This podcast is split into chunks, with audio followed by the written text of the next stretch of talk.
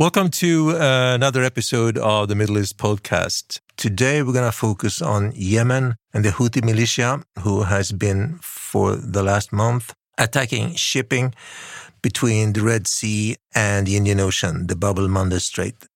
The Houthis is a group of people from northwest Yemen and they've been very active as part of the Iranian-led so-called Islamic resistance an initiative from Iran that set up a way to gain influence all across the Middle East. And the Houthis has been a very, very important part of that. And what they have been doing since the war between Hamas and Israel broke out is that they have globalized that very specific conflict just by attacking shipping, international shipping, forcing trade to go around the Horn of Africa instead of going up through the Red Sea and using the Suez Canal. 40% or nearly 40% of the world's trade goes that way. So it has an, a very big impact on the situation.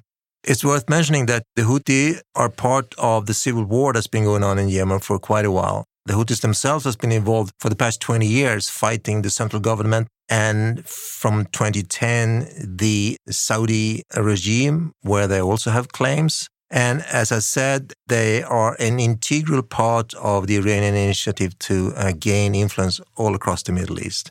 Therefore, this is a group worth keeping your eyes on.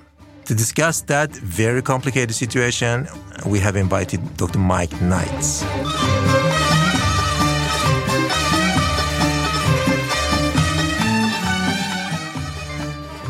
Now, the war triggered by Hamas attack on Israel on October 7 last year has raised tension all across the, the region.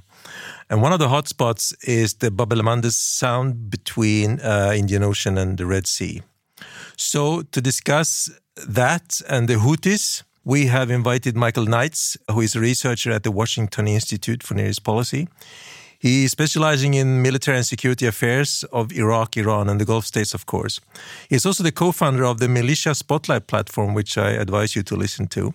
He has traveled widely, of course, in Iraq, in Yemen, and the Gulf states, and briefs policymakers all around. He got his doctorate from the Department of War Studies at King's College. So we're very happy to have you with us. Welcome to the Middle East podcast, Mike. Thanks for having me. All right, so why don't we start at the beginning, sort of? And why are the Houthi rebels in Yemen so much against Israel and the US? Are they mainly acting as an arm of Iran, you think, or is this sort of an, a wider ideological struggle? How, how, do you explain that? Well, the uh, the Houthi clan that currently controls most of the population in Yemen, the northwestern parts of the country, are a group that modeled itself on the Islamic Revolution in Iran and on Lebanese Hezbollah right the way back to the 1980s. And so they've been part of that quote resistance unquote narrative against Israel, against the United States uh, for a very long time. And yeah, their model is Iran and Lebanese Hezbollah. So they have been uh, you know, actively opposed to Israel in the Israel Palestine conflict. And they've been actively opposed to uh, US and uh, British uh, military presence in the region, things like the Iraq War, um, the, the, presence in Afghanistan after 9 11. So, you know, these guys are uh, true believers. And in some ways, they're purer members of the axis of resistance you know, even than some like Lebanese Hezbollah and uh, the Iraqi militias, because the Houthis are, you know, just really pleased to be recognized as a major player within the axis of resistance. And they want to be the perfect members of the axis of resistance. And as a result, in this current conflict, you know, they probably provided more actual tangible support to Hamas than any other member of the axis of resistance. And they've certainly risked more to be supportive of Hamas and to, uh, you know, tie the ending of a, a, war in Gaza to the end of Houthi attacks on commercial shipping in the Bab el Mandeb and Red Sea. Right. Just just a quick follow up there. When you say actual support, what exactly does that support contain? Is it arms, money? Sure. So if you think about it, the axis of resistance includes Iran, which has not really done anything to Israel during this conflict and Lebanese Hezbollah, which has been trying to limit the scale of its fight with Israel during the conflict. Uh, Assad in Syria, sat this one out essentially and avoided direct involvement. And the Iraqi militias have, for the most part, tried to not kill Americans. Uh, you know, we've had 180 attacks, and this one that we had on January 27th is the first one to kill any Americans. So they themselves have been quite careful in how much US retaliation they've brought down upon themselves. The only people who have gone all in are the Houthis of Yemen. And what they've done is to globalize the conflict. Uh, instead of there being no real impact to the global community of what was going on in Gaza, now there is a tangible, measurable impact, which is that the Suez Canal for many shippers is essentially closed. And they have to go all the way around the Cape of Good Hope as if we were back in the 1840s. So the Houthis have actually had more tangible effect in support of Hamas than any of the others. And, you know, and that's because they've been supporting actively the Palestinian cause, you know, right the way back to the uh, 90s.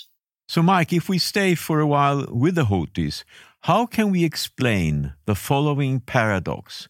We talk about Yemen, one of the world's most underdeveloped countries. And at the same time, the British think tank IISS claims that the Houthis have some of the most advanced land to sea missiles, and in some cases, weapons lacked by the US and British navies. Well, um, that might be a bit of an over exaggeration. Um, I've looked a lot at the Houthi long range strike capabilities. And it's certainly some of the best stuff that Iran provides to anyone anywhere.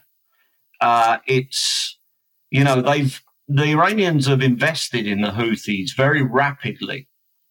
And so, you know, it's taken them decades to build up the 130,000 projectiles of various kinds that Lebanese Hezbollah is supposed to control whilst it's only really taken the Houthis, uh, you know, less than 10 years to uh, take the Houthis from a place where they can't even throw a rocket 20 kilometers to just two years later in, you know, 2015 timeframe, they were able to throw a medium range ballistic missile at Riyadh.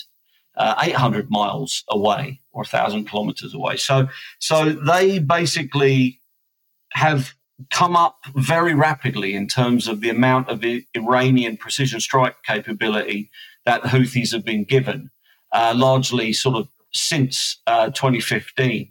And, you know, the fact is, it doesn't matter if Yemen is one of the poorest countries in the world. What really matters is that the, uh, the Iranians are providing these weapons kits to the Houthis, and they can operate them with uh, you know a degree of training, and also with an Iranian and Lebanese Hezbollah advise and assist program in the country of Yemen.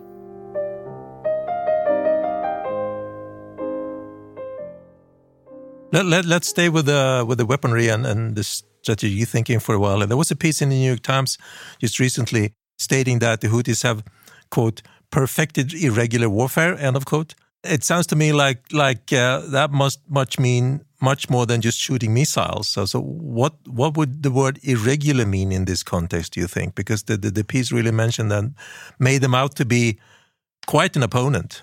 Well, I've um, just completed my second subsequent book in a row on on the Houthi way of war inside Yemen, and you know, I've done a lot of research on them, including time embedded with the Saudi and Emirati forces in Yemen watching the Houthis operate, learning their strengths and their weaknesses. At the moment, we are very impressed with the Houthis in the West. So the descriptions of them tend to make them sound as if they're 10 feet tall. They come from very poor uh, peasant stock. They are, you know, they have zero um, needs or uh, kind of expectations about supply, medical attention, etc. They're quite heavily drugged a lot of the time uh, with Captagon and uh, other other drugs, combat drugs. So you know, we tend to look at the Houthi manpower and we say, wow, you know, they really blend this kind of brutal tribal militia who can who can undergo any hardship and can take any losses. And they blend that with seemingly having a, a high end capability, a bit like Lebanese Hezbollah, uh, you know, to launch medium range ballistic missiles, long range anti shipping missiles, etc., drone swarms.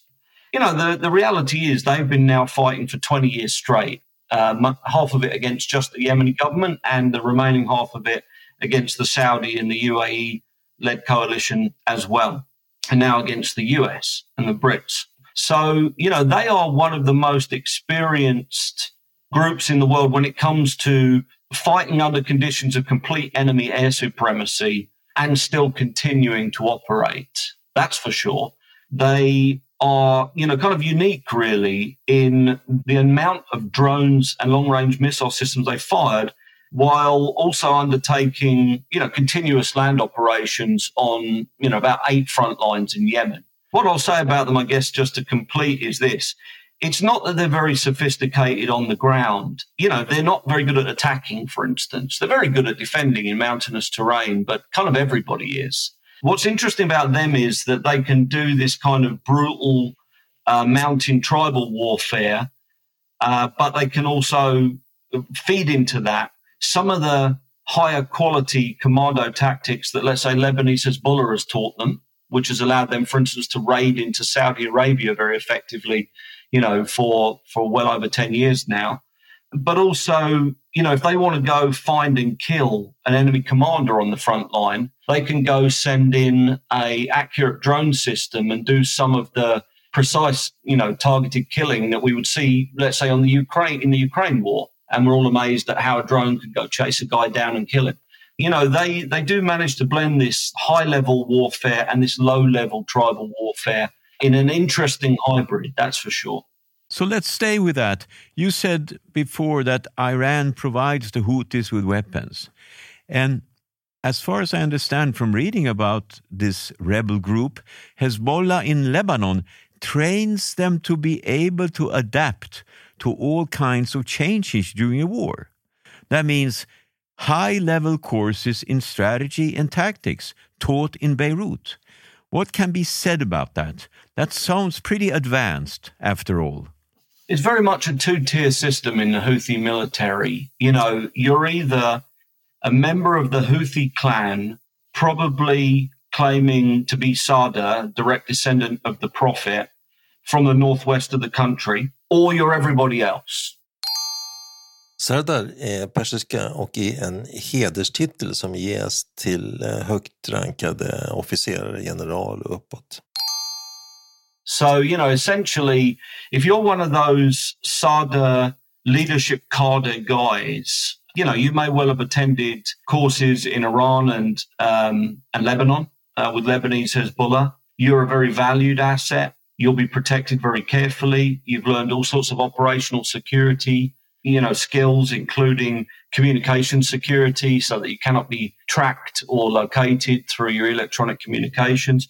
Then, you know, they're very good at what they call preventative security or protective security and at protecting these really precious assets to them. Uh, and also at protecting the uh, Lebanese Hezbollah trainers and the revolutionary Iranian Revolutionary Guard technical advisors and strategic advisors.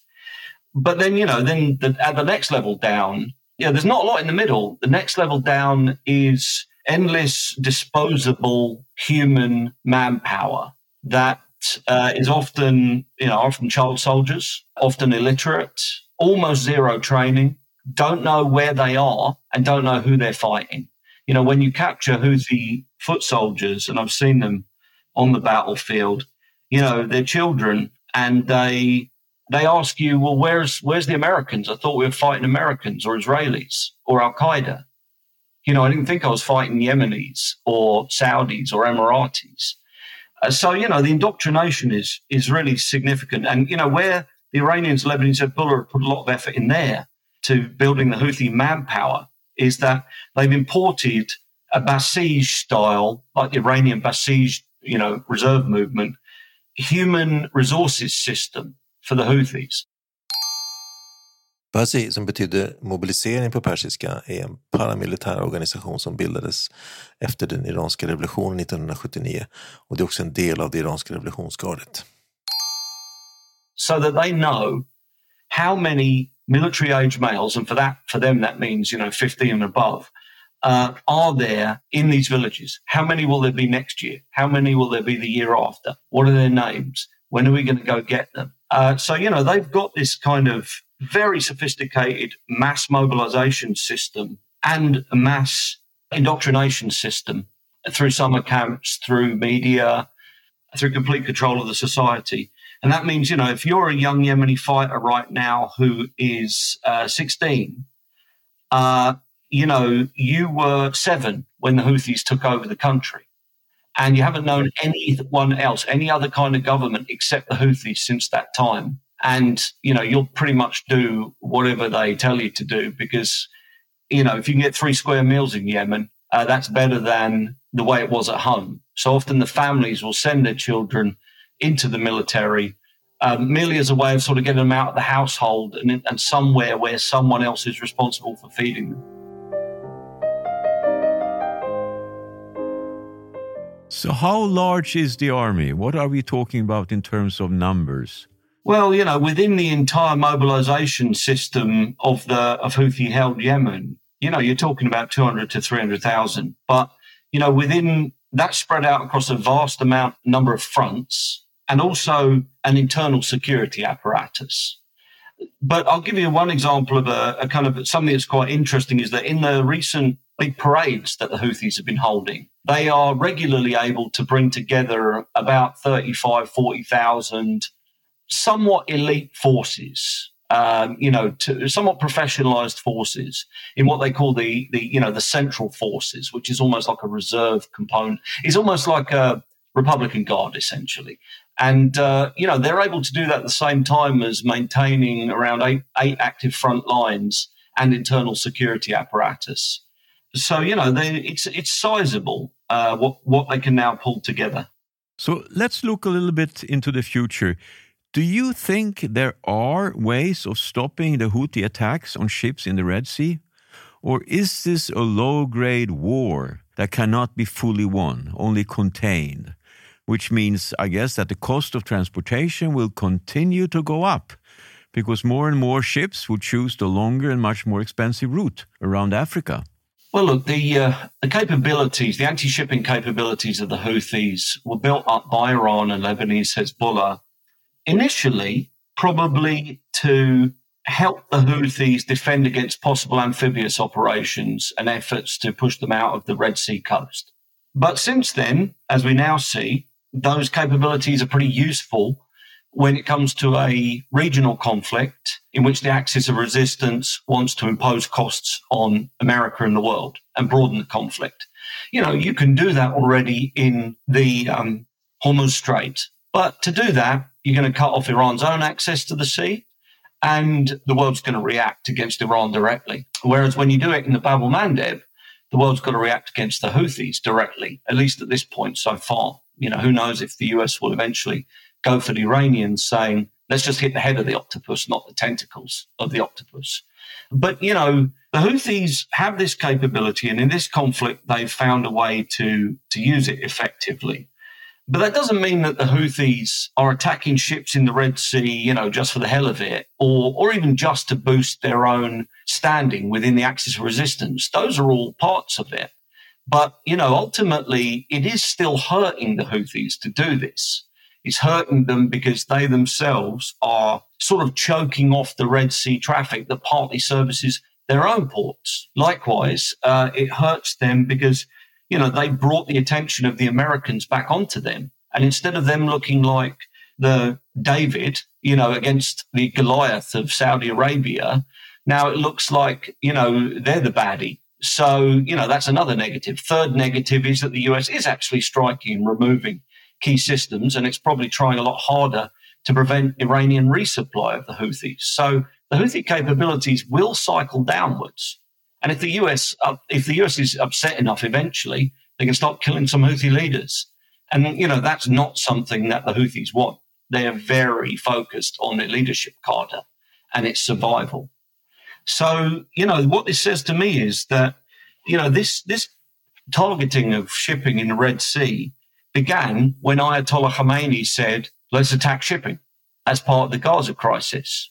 And it's going to end when Khamenei and Lebanese Hezbollah say, okay, the current Gaza military operation is over. We will get revenge for it. But, you know, it's not an active conflict now. We all successfully made the Israelis stop and made the Americans force the Israelis to accept a ceasefire, which is probably not going to be the case, but they'll claim that. And at that point, the Iranians, I would think, would use their influence with the Houthis and say, okay, you did everything that honor required and more. It's time to power down. If you know, if the Iraq, if the Iranians and Lebanese Hezbollah and the Iraqi militias have all powered down, it's going to be a little odd if the Houthis are still attacking shipping in the Red Sea. You know, the Houthis themselves, through their spokesman, have said, we're only doing this because of Gaza. And when Gaza stops, we stop. And that's probably what's going to happen. I mean, this is an old religious rebel group uh, based in the north. And what you're saying here, because I was going to ask what they what they actually want, in addition to the destruction of Israel, and what could possibly cut them down to size. But what you're saying really is that they're going to stop this when the Iranians decide enough is enough. Is that essentially what you're saying here? That they they really are tool, maybe not a fair description, but somehow a tool to the Iranians. They are using them as a proxy here, more or less. So let me let me give you my view on that, which is not the same view that everyone has. But you know, I've been really looking at the Houthis hard, and I don't have really an agenda with them. I don't like them. There's no doubt. I consider them an enemy of the West, of Israel, of the US, of uh, you know all of these players. But analytically, you know, is it fair to call the Houthis a proxy? I think they're worse than a proxy, which is that they are a true believer. You know, these guys, the Iranians don't need to twist their arm behind their back and say, try a bit harder to support Hamas, please. No, the Houthis are going at this task with more enthusiasm than the Iranians, Lebanese Hezbollah, or the Iraqi militias. You know, they are the most pure when it comes to being within the axis of resistance. Now, you know, in part that's because they want their status to grow within the axis of resistance. They're Yemenis, they're proud. They believe that Israel has to be destroyed, and they believe that America has to be removed from the region. Uh, and ultimately, they believe Saudi Arabia needs to be removed too. Uh, they call the Saudi regime a failing tribe, and they are only a stone's throw away from Mecca and Medina. And they claim parts of Saudi Arabia's Red Sea coast up until that kind of ballpark as parts of Yemen, as part of their imamate. Imamate, eller imama, betyder ledarskap och eh, refererar helt enkelt till en stad som styrs av en imam. So, you know, these guys are in many ways a cut above the rest of the axis of resistance when it comes to motivation.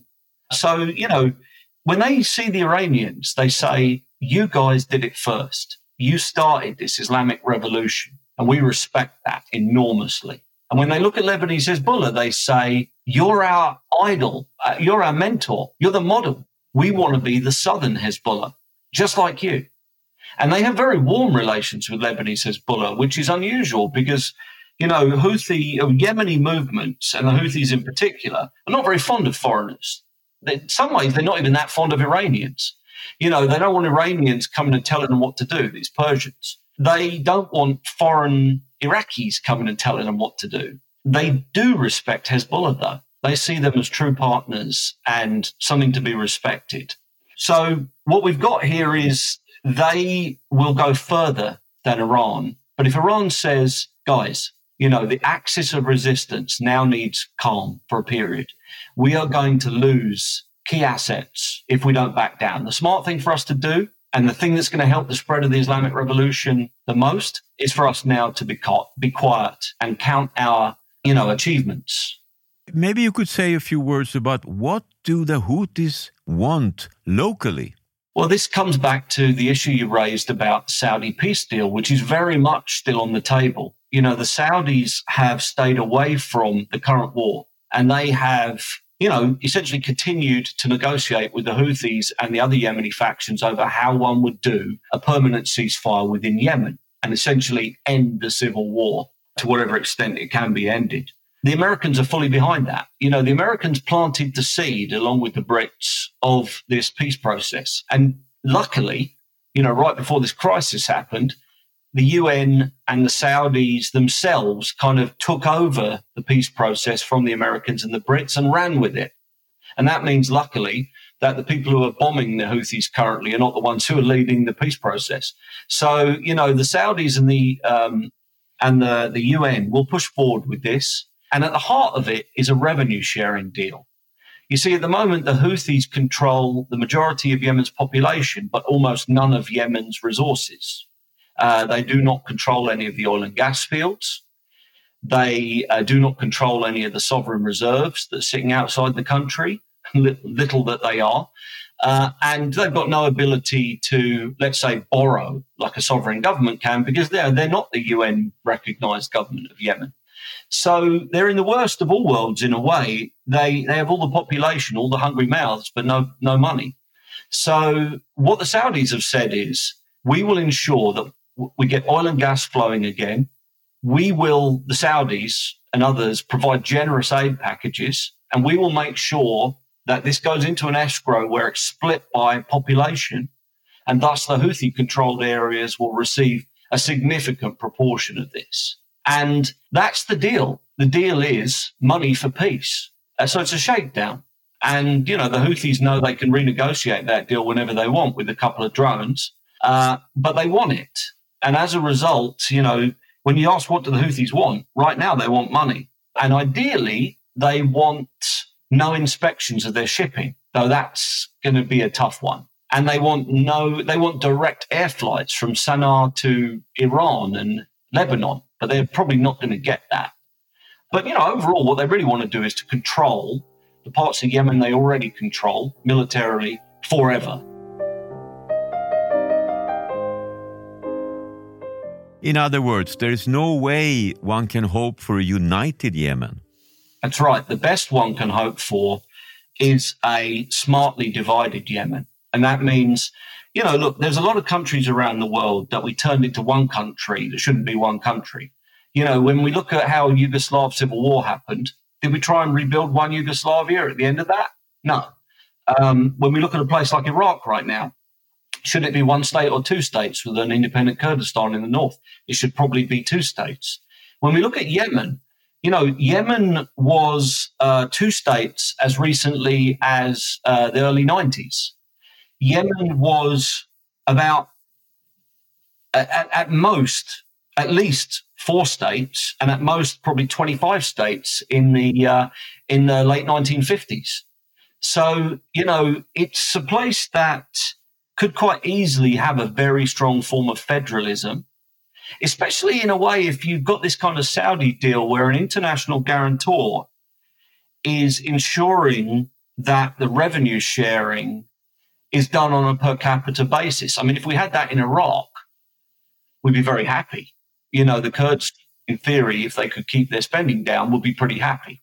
But what this also means is that we're going to have to learn to live with a situation where you have a very sort of um, robust, I was going to say almost Mukawama doctrine running countries in the Middle East dead set on a continuous conflict with, with Israel and the West, right? Yeah.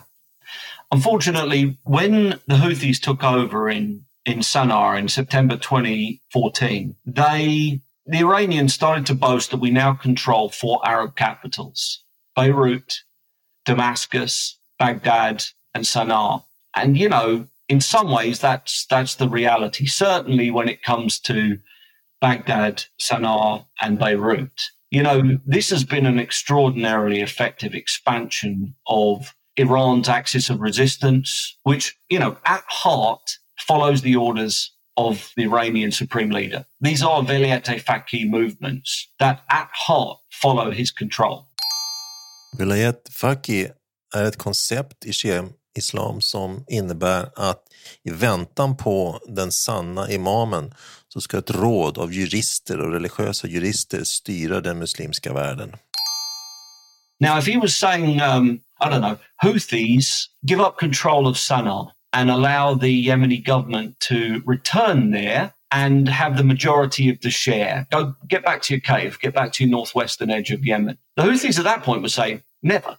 But the fact is the Iranians are not stupid. You know, they're not gonna they don't push on a closed door like that, and they've got no reason to. Um, they have the perfect situation for them in Yemen right now, and and it, it's exactly what the Houthis want too. So you know, they're better than a proxy. They're a true right. soulmate. Right. I, I just want to add, you know, one aspect. It seems to me that what you said before is this conflict, what is going on now with the Houthis and the Red Sea, is not necessarily going to escalate. Yeah, I mean, we, you know, the US is is hitting, but we have very low expectations that we're going to alter the Houthis' calculations. Certainly not before the end of the Gaza war. So, you know, what we're doing really is just to reduce capabilities in the same way that we used to against, let's say, Saddam's no-fly zones. You know, we'd, if they did stuff we didn't like, they kept shooting at us, we'd take away some of their better systems to make it easier for us to police in future. So it's more a question of decimate than crush. Yeah, you remove. Uh, you know, you're you're trying to affect capability, not intention. Containment. Containment. This is exactly what yeah. I was going to say at the end, which is, you know, if I were to do a summary, as kind of a summary lesson from this, it's this. You know, we have to get used to the idea of containing again, containing the Iran threat network as one integrated system.